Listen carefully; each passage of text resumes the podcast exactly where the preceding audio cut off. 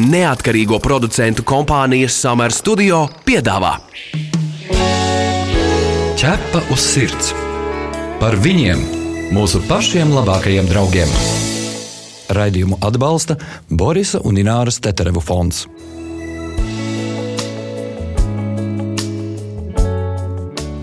Labvakar! Jaunu darba nedēļu sākam ar raidījumu ķepa uz sirds. Mēs esam klāt. Mani sauc Magnus Eriņš.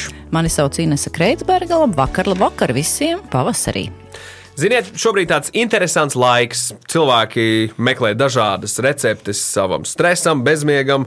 Es zinu, ka daudzi sūdzas par sajūtām, kādas agrāk vēl nu, nemaz nebija pamanījuši. Un, un, protams, aktuālo notikumu kontekstā tas nav nekāds baisais pārsteigums. Nu jā, bet kas tad notiek ar mūsu mājdzīvniekiem šajā laikā? Jo viņiem nabagiem tāpatās jāuzņem mūsu stress un sliktais garastāvoklis. Un, un tāpēc aizdomājāmies, kas tad viņiem šobrīd ir aktuāls, no kā īstenībā mājdzīvnieki cieši. Un šodien mēs runāsim par vienu ļoti aktuālu, kā arī satraucošu tendenci, kas atklājas tieši suņiem - atšķirības sindroms, jeb suņa atkarība no saimnieka. Nu jā, un šī problēma jau parādījusies pandēmijas laikā, kad cilvēki daudz vairāk bija mājās, ņēma sev suņus un arī visu laiku pavadīja mājās. Un darbs atsācies, cilvēki dodas prom no mājas, bet suns ir šokā un viņš ir nesagatavots palikt mājās viens pats.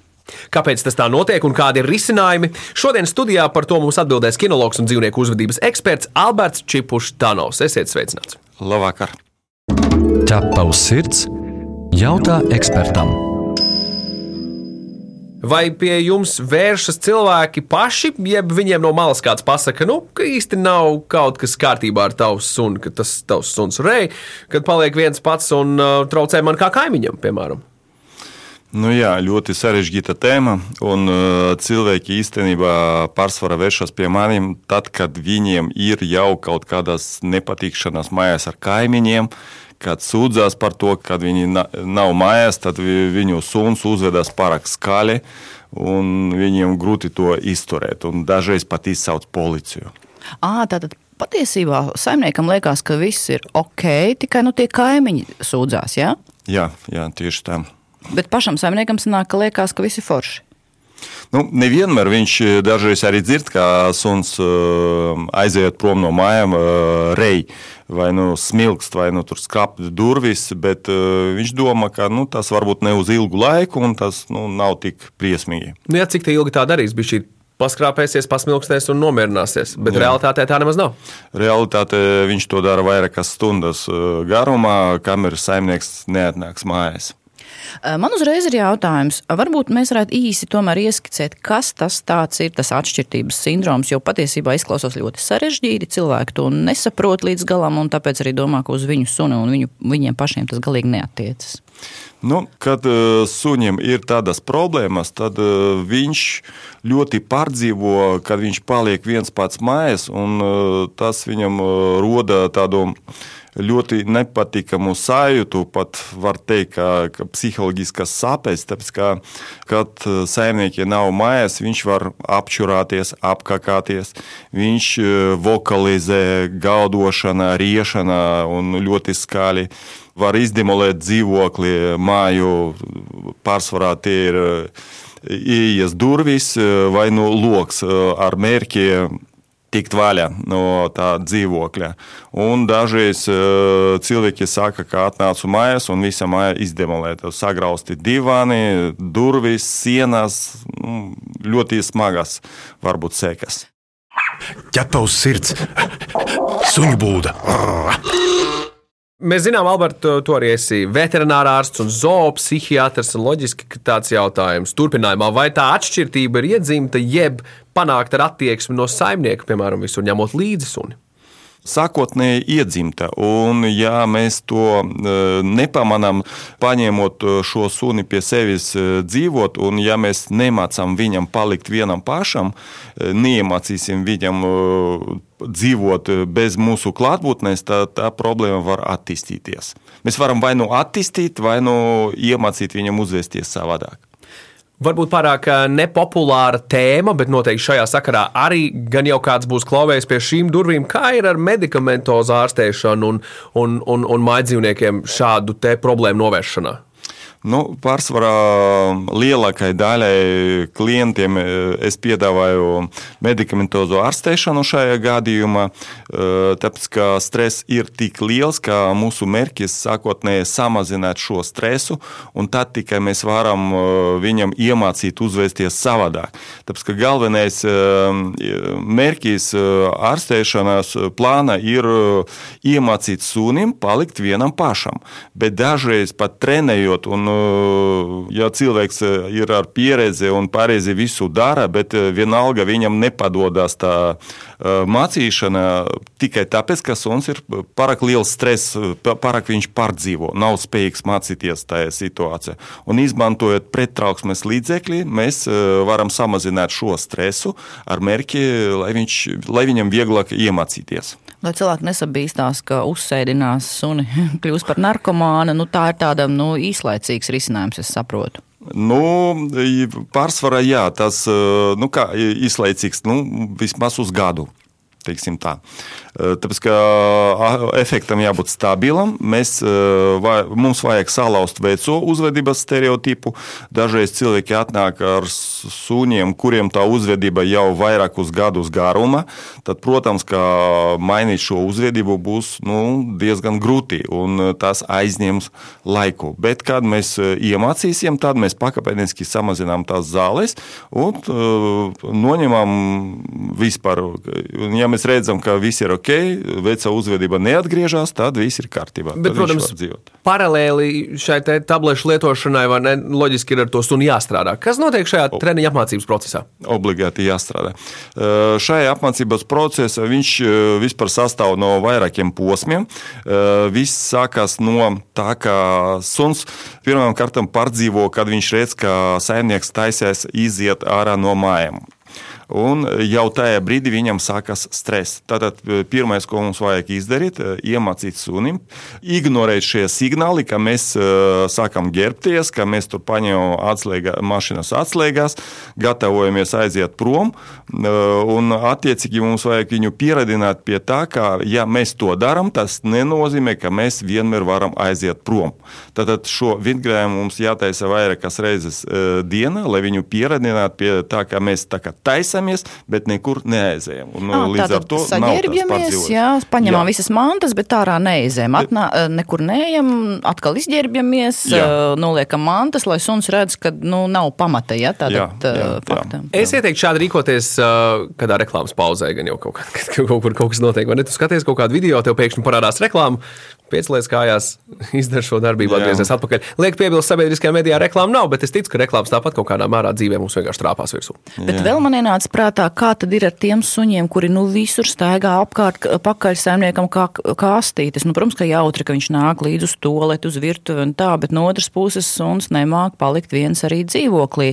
Varbūt jāmāc arī palikt viņam kādā atsevišķā istabā. Jā, tas ir nākošais solis. Ja mēs redzam, ka suns ir pārāk atkarīgs no jums, dažreiz klienti saka, ka viņi pat nevar aiziet normāli uz toaleti, tāpēc ka viņš nevar palikt aiz durvīm. Un, uh, iemācīt viņam palikt uh, cita istabā, cita telpā, tad, kad mēs esam dzīvoklī, vēl neaizejot prom no mājām. Bet uh, vienalga viņam jāmāca, ka viņam nedrīkst būt kopā ar mums visu dienu, viņam jāpaliek arī uz kaut kādu pusstundiņu, stundiņu cita istabā, un pēc tam atkal ar viņu satikties, un tāda veida viņam iemācīt to palikšanu bez sava saimnieka, bet uh, kad saimnieks ir mājās. Tā kā nu, atvieglot viņam šo uzdevumu. Bet kā cilvēkiem pareizi saprast, uh, ka tas suns var palikt viens. Jo dažkārt ir tā, ka to suņa nevēlamo uzvedību, to trauksmi, riešanu, mētāšanos, skraidīšanu viņi ap, mēģina apklusināt ar rotaļu vai ar kārumu, bet tādā veidā jau viņi to suņu uzvedību atbalsta, to nevēlamo kurā brīdī pareizi viņu apbalvot? Kad mēs dzīvojam ar tādu suni, mums uh, vajag viņu katru reizi apbalvot par to, ka viņš paliek mierīgs. Teiksim, viņš skraida, viņš, grib, viņš priecēs, viņš grib spēlēties, bet mēs nu, tur strādājam, vai nu skatāmies televizoru, vai nu vēl kaut ko darām. Tad būs tas brīdis, kad viņš nomierināsies un tad uh, kaut kur iekārtosies savā vietiņā, vai nu kaut vai blakus jums, un neko vairs negrib. Vienkārši mierīgi apguļās, un tad mums obligāti vajag viņu par to apbalvot. Parasti ir tā, ka, ja suns uzvedas slikti, tad uh, cilvēki dara kaut ko, lai nu, panāktu, lai viņš to nedara. Bet, ja suns uzvedas labi un uh, viņš dara to, ko mēs gribam, mēs parasti viņu ignorējam. Bet tas nav pareizi. Viņu vajag vienmēr apbalvot par visu, kas mums patīk. Ja viņš uh, mums ir aktīvs suns un viņš tagad ir mierīgs, tad mums vajag viņu apbalvot par to, ka viņš ir mierīgs. Un tāda veida mēs padarām šo procesu par uh, sunim izdevīgu. Bet suns ir racionāls dzīvnieks. Viņš dara tikai to, kam ir jēga. Un, attiecīgi, ja mēs apbalvosim viņu par to, ka viņš apguļās un neko nedara, uh, vienreiz apbalvosim, otru reizi, trešo reizi, pēc desmitās reizes viņš sapratīs, o, tas ir izdevīgi. Es tad iešu pagulēt, un tad saimnieks man pievērsīs savu uzmanību un iedos kaut kādu kārumu, vai nu pat sāks ar mani spēlēties. Un tādā veidā es varu panākt uh, to, ko es gribu. Ja tavs sirds skaidro faktus, Noteikti cilvēki pirms ir atraduši pareizu veidu, kā strādāt, lai ar šo problēmu tiktu galā, ir rīkojušies nepareizi. Alberts, no jūsu pieredzes, vai varat pastāstīt par to, kā cilvēki nepareizi māca suni palikt vienam pašam? Šeit eh, viena no izplatītākajām uh, kļūdām ir, uh, ejot prom no mājas, redzot, ka suns sāka uztraukties. Viņi runā ar šo suni un mēģina viņu pierunāt, uzvesties kārtīgi, netrokšņot, ka tad, kad es aiziešu prom. Bet šajā gadījumā sanāk tā, ka suns uztraucas un mēs ar viņu runājam. Mēs viņam pievēršam uzmanību, mēs viņam dodam kaut kādu labumu. Līdz ar to mēs nejauši apbalvojam viņam to stāvokli, ka nu, stresa pārdzīvošanu. Tāpēc vajag, ejot prom no mājas, pilnīgi suni ignorēt un ignorēt vismaz minūtes 15 pirms iziešanas. Tas nozīmē nerunāt, neko nedot, nekādīgi ar viņu nekontaktēties. Tas nozīmē arī acu kontaktu neizveidot. Pat neskatīties, jā, tāpēc ka pat acu kontakts jau būs kontakts ar viņu un jau būs atbalsts un mierīgi aiziet prom no mājām.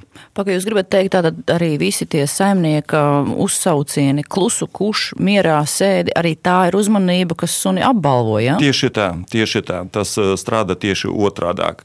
Un, eh, nu, jā, visur censties viņu katru reizi pievērst viņam uzmanību, bet ikdienas dzīvē, kad, kad viņš paliek mierīgs pēc tā uztraukuma, teiksim, ja mēs viņam trenējam šo aiziešanu prom no mājas, viņš sāka uzvilkties, viņš sāka tā, stresot.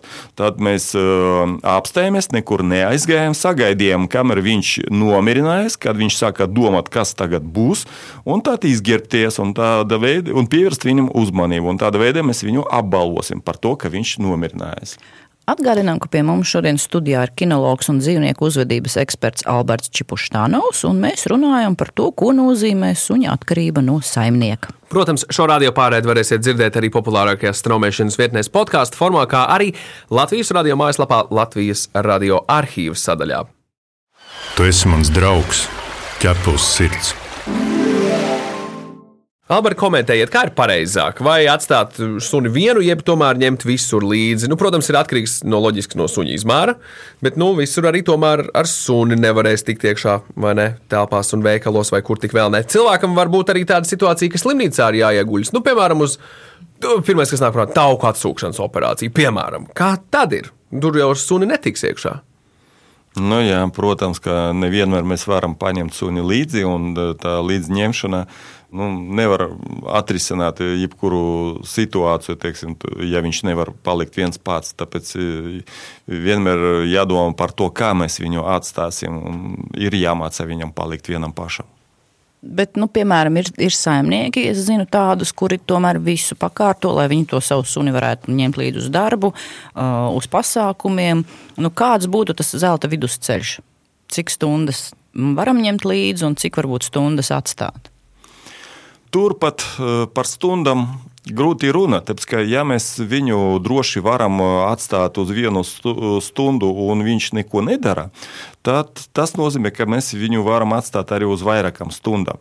Un viena no pazīmēm, kura liecina, ka viņam ir tāda problēma, kā tas separācijas trauksme, tā ir, ka viņš reaģē uzreiz pēc mūsu aiziešanās. Nav tā, ka viņš reaģē pēc kaut kāda laika, tur pēc 15, pēc 10 minūtēm. Nē, viņš reaģē uzreiz. Un, ja viņš tomēr var noturēties tās 5-10 minūtes pēc mūsu aiziešanas, tas nozīmē, ka tur var būt kaut kāda cita problēma. Bet, ja mēs runājam tieši par šo slimību, tad nu, tur neatkarīgi no tā laika, ja viņš var noturēties tur pusstundu, tas nozīmē, ka viņš var arī izturēt arī vairākas stundas. Alberta, vai jūs darbības pieredzē esat saskāries ar kādu gadījumu, kur šo suni nav iespējams izārstēt, kur esat darījis visu iespējamo un gal galā beig beigās suns ir ar šo atkarību nodzīvojis līdz pat mūža beigām? Nu, godīgi sakot, nē, bet uh, ir suņi, kuri palikuši teiksim, tā, bez medikamentozas palīdzības, uh, nu, nevar tikt galā ar šo problēmu.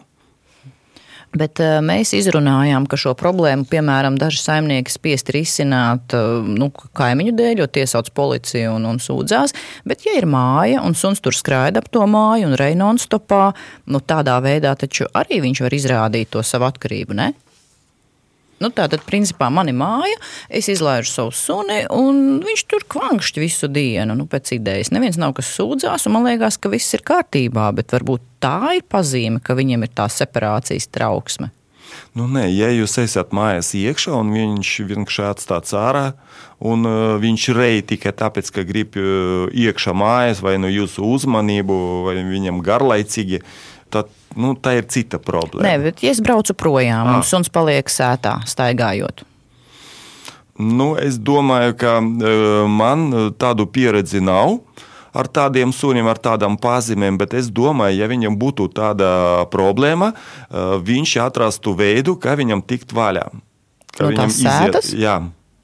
Tāpēc, ka viņiem galvenais mērķis ir nu, skriet un meklēt, kur ir saimnieks. À, tā tad, principā, ja jūsu suns uh, staigā, vazājās pa jūsu pagalmu un rei, rei tad, un nedodas nekur prom, tad viņam nav šī atkarība no saimnieka. Es pareizi saprotu. Jā. Tad... Tas, ir tāds, tas vienkārši ir uh, suns, kuram patīk riet. Tas Kurš mums... jāpaudzina pavisam nedaudz un būs labi. Ar šiem jā. gadījumiem vieglāk var tikt galā. Man patīk, kā eksperts teica, ka suns sevi rejot uh, apbalvo, ja? nomierina arī, sevi. Arī. Tā kā, nu, teiksim, tā kā cilvēks arī. Cilvēks staigā ar mm. kokčiku vai vīna glāzi un sevi nomierina. Mm, suns rejot, redz, katram savi līdzekļi.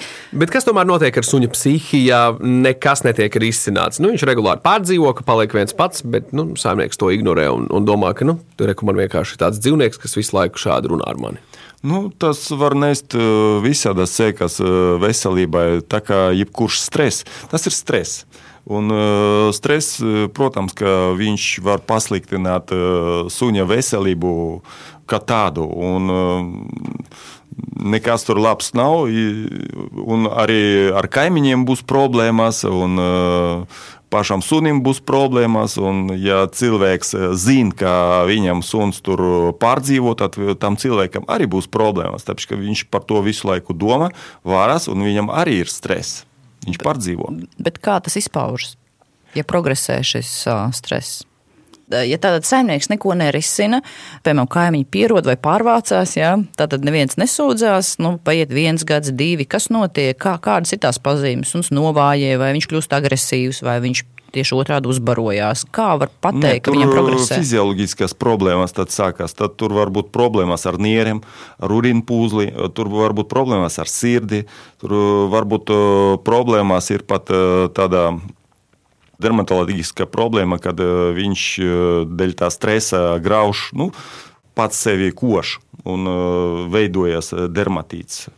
Oho, bet tas ir interesants pavērsiens, jo sanāk, ja sunim ir tādas veselības problēmas, saimnieki visticamāk dodas pie ārsta un risina šīs problēmas. Tieši Viņiem tā. neienāk prātā Jā. sasaistīt to, ka tas ir uz nervu pamata, vai ne? Tieši tā. Lūk, bet pagaidiet, ja jau suns paliek regulāri viens, viņš ar laiku neiemācās, un nepierod pie tā, ka nu, viņš ir viens pats. Jeb vienkārši tas stress kļūst lielāks un progresē. Jo pēc idejas, nu, iedomājieties, Alberts, nu, tad suns paliek katru dienu viens. Nu, no sākuma viņš nu, tā kā trako, trako, bet ja, vai tad viņš nesaliek kopā, ka viņš regulāri paliks viens, un tad viņš nu, to tā kā paradumu sev nepieņem? Nē, tur ir tā lieta, ka tā ir uh, nevis vienkārši kaut kādā uh, apzināta uzvedība, lai nu, izcīnītu sev kaut ko, bet tā ir slimība. Viņš cieš no tā. Tas ir stress, viņš pārdzīvo. Viņš nevar iemācīties tādā veidā. Nu, Kaut kā nereaģēt uz to, kā saimnieks aizgāja prom. Viņš, viņam vienkārši sap, viņam ir fiziski sap, viņš pārdzīvo. Bet vai suns pats uz savu galvu var šo pārdzīvot līdz tādam līmenim, ka viņam vairs nesāp? Bez cilvēka iejaukšanās. Uh, es nezinu. Es nezinu. Pie maniem vēršas cilvēki, kuriem uh, suņi jau vairākus gadus, uh, tur pieci gadi pēc kārtas. Viņiem ir tāda problēma. Jā, un, un redziet, tā problēma var būt arī ļoti dažādās pakāpēs. Vienam tur suns uzvedās e, vienkārši rejot, citam suns e, pilnīgi nevar apstāties un visu laiku staigā, un viņš nekādīgi nevar ne apēst kaut ko, ne domāt par kaut ko citu, kā tikai par to, kad atnāks atpakaļ saimnieks. Un, un, no tā arī ļoti daudz ir atkarīgs, cik liels tas stress. Nevienmēr viņš ir nu, maksimāla līmenī. Bet pagaidi, pagaidi, labi. Nu, tagad mēs mācām to suni palikt vienam un tā, un, un esam varbūt iemācījušies jau nu, mierīgi saģērbties un redzam, ka suns nestreso. Bet vai saimnieki bieži ne, neizdara nu, sliktāk, ka viņi atgriežoties ļoti strauji reaģē, un tas suns no tā pāruzbudinājuma viņam arī tādas nu, problēmas var būt? Jā, tas vēl viens uh, solis, kuru vajag iziet saimniekam ar savu suni, iemācīt viņam netik ļoti uh, reaģēt uz uh, saimnieka atnākšanu. Tāpēc, ka ja mēs uh, atnākot no darba redzam, ka suns šausmīgi priecājas satiekot mūs, un mēs tad kopā ar viņu sāksim priecāties, tad tādā mūsu uzvedība var pastiprināt šo problēmu. Tāpēc, ka viņam būs nākošais vēl grūtāk palikt vienam pašam, un viņš visu laiku domās, ka ot, saimnieks atnāks atpakaļ, un tad tikai būs labi un būs forši, un viņš arī būs priecīgs, un es būšu priecīgs, un tas viņam dot vēl lielāku stimulu nu, tam uzbudinājumam, būs vēl lielāks stress. Tāpēc, atnākot mājās, tāpat kā aiziet prom no mājām, vajag sagaidīt, kamēr uh, suns nomierināsies, un tad tikai ar viņu sasveicināties, tad viņu paslavēt, sabučot un tā tālāk. Uh, labi, bet uh, kādi vēl būtu ieteikumi, kā mm, saimnieks var gudri sagatavoties uh, tam, ka suns mājā paliek viens un nestreso? Varbūt ir kaut kāda risinājuma par tām bumbām, kurās ieliek ēdienu, varbūt to barības porciju var viņam neiedot, ja barot suni tajā brīdī, kad jūs plānojat iet ārā no mājas. Kā var ēdiens te palīdzēt risināt šo problēmu? Nu, ēdiens pats par sevi viņš nomierinās suni. Bet, ja suns ir stresa, tad viņš nav spējīgs kaut ko apēst. Un tas ir pirmais jautājums, ko es jautāju cilvēkiem, kā, vai jūsu suns ir spējīgs kaut ko apēst, tad, kad jūs neesat mājās. Un, izjūt no atbildēs, tad es varu secināt, cik liels ir stress. Bet, protams, ka jāpadomā arī par to, ko suns darīs, kad mēs nebūsim mājās. Vai kaut kā viņam palīdzēt šo laiku pavadīt interesantāk nekā vienkārši domāt par to, kad saimnieks atnāks mājās. Un tad ir tādas mantiņas, kuras pildas ar barību un kurus var diezgan ilgi izmantot. Nav tā kā ātri sagraust un, un viss bet uh, ir tādas bumbiņas, kur krīt pa vienam gabaliņam. Tā sausa barība, un uh, dažreiz tas var aizņemt pat stundu. Un uh, tādā veidā apēdot uh, savu porciju, suns jau ir noguris, un tad viņš guļ. Tādā veidā viņam būs daudz vieglāk sagaidīt savu saimnieku. Bet, ja suns sākotnēji nav spējīgs vispār kaut ko apēst, tad mums vajag to iemācīt viņam darīt, tad, kad mēs esam mājās. Atstājot viņu aiz durvīm, un lai viņš tur iemācās apēst savu porciju, spēlējoties ar tādu bumbiņu. Ir cilvēki, kas uh, mēģina risināt uh, problēmu ar uh, pretriešanas siksniņām. Mēs zinām, Albert, ka jūs neatzīstat šo metodi, tāpēc uh, būtu ļoti labi, lai jūs pastāstītu arī klausītājiem, kas tā tāda ir un kāpēc jums tā nepatīk. Nu jā, šajā gadījumā cilvēks grib vienkārši atrisināt problēmu, nu, padarīja, un viņš padara tāda veida savam sunim vēl sliktāk. Tāpēc, ka rejot, viņš vismaz uh, atbrīvojas no kaut kādām negatīvām emocijām, un tas viņam ļauj nedaudz tā kā atvieglot savu stāvokli, tā riešana. Bet, ja mēs izmantojam to pretriešanas kakla siksnu šādos gadījumos, kad suns pārdzīvo stresu, tad mēs vēl vairāk paaugstināsim stresu, tāpēc ka viņš jau ir stresa, un mēs vēl no savas puses pieliksim klāt vēl lielāku stresu. Tad, ja viņš sāks riet, viņš var dabūt vēl, vēl ar to elektrību.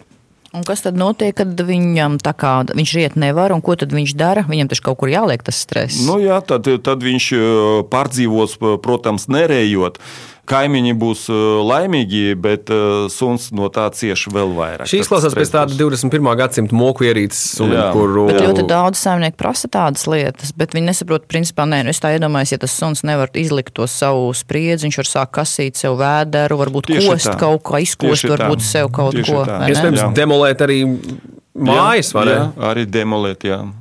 Noslēgumā tomēr gribēju pavaicāt, cik ilgā laikā var sunim iemācīt palikt vienam. Tātad vai tā ir nedēļa, mēnesis, jārēķinās mazliet ilgāk, un vai var apmācīt arī jau pieaugušu suni? Jā, protams, ka var apmācīt arī pieaugušu suni, pat suni gados, var palīdzēt arī viņam.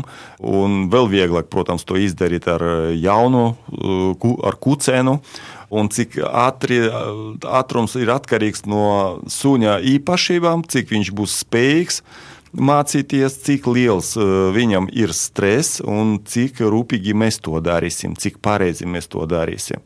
Un tur ļoti daudz faktoru. Un principā ir tā, ka, kad cilvēks atnāk uz pirmo konsultāciju, mēs ar viņu izrunājam visu, kas viņam jādara, sastādām tādu kā nu, ārstēšanas plānu.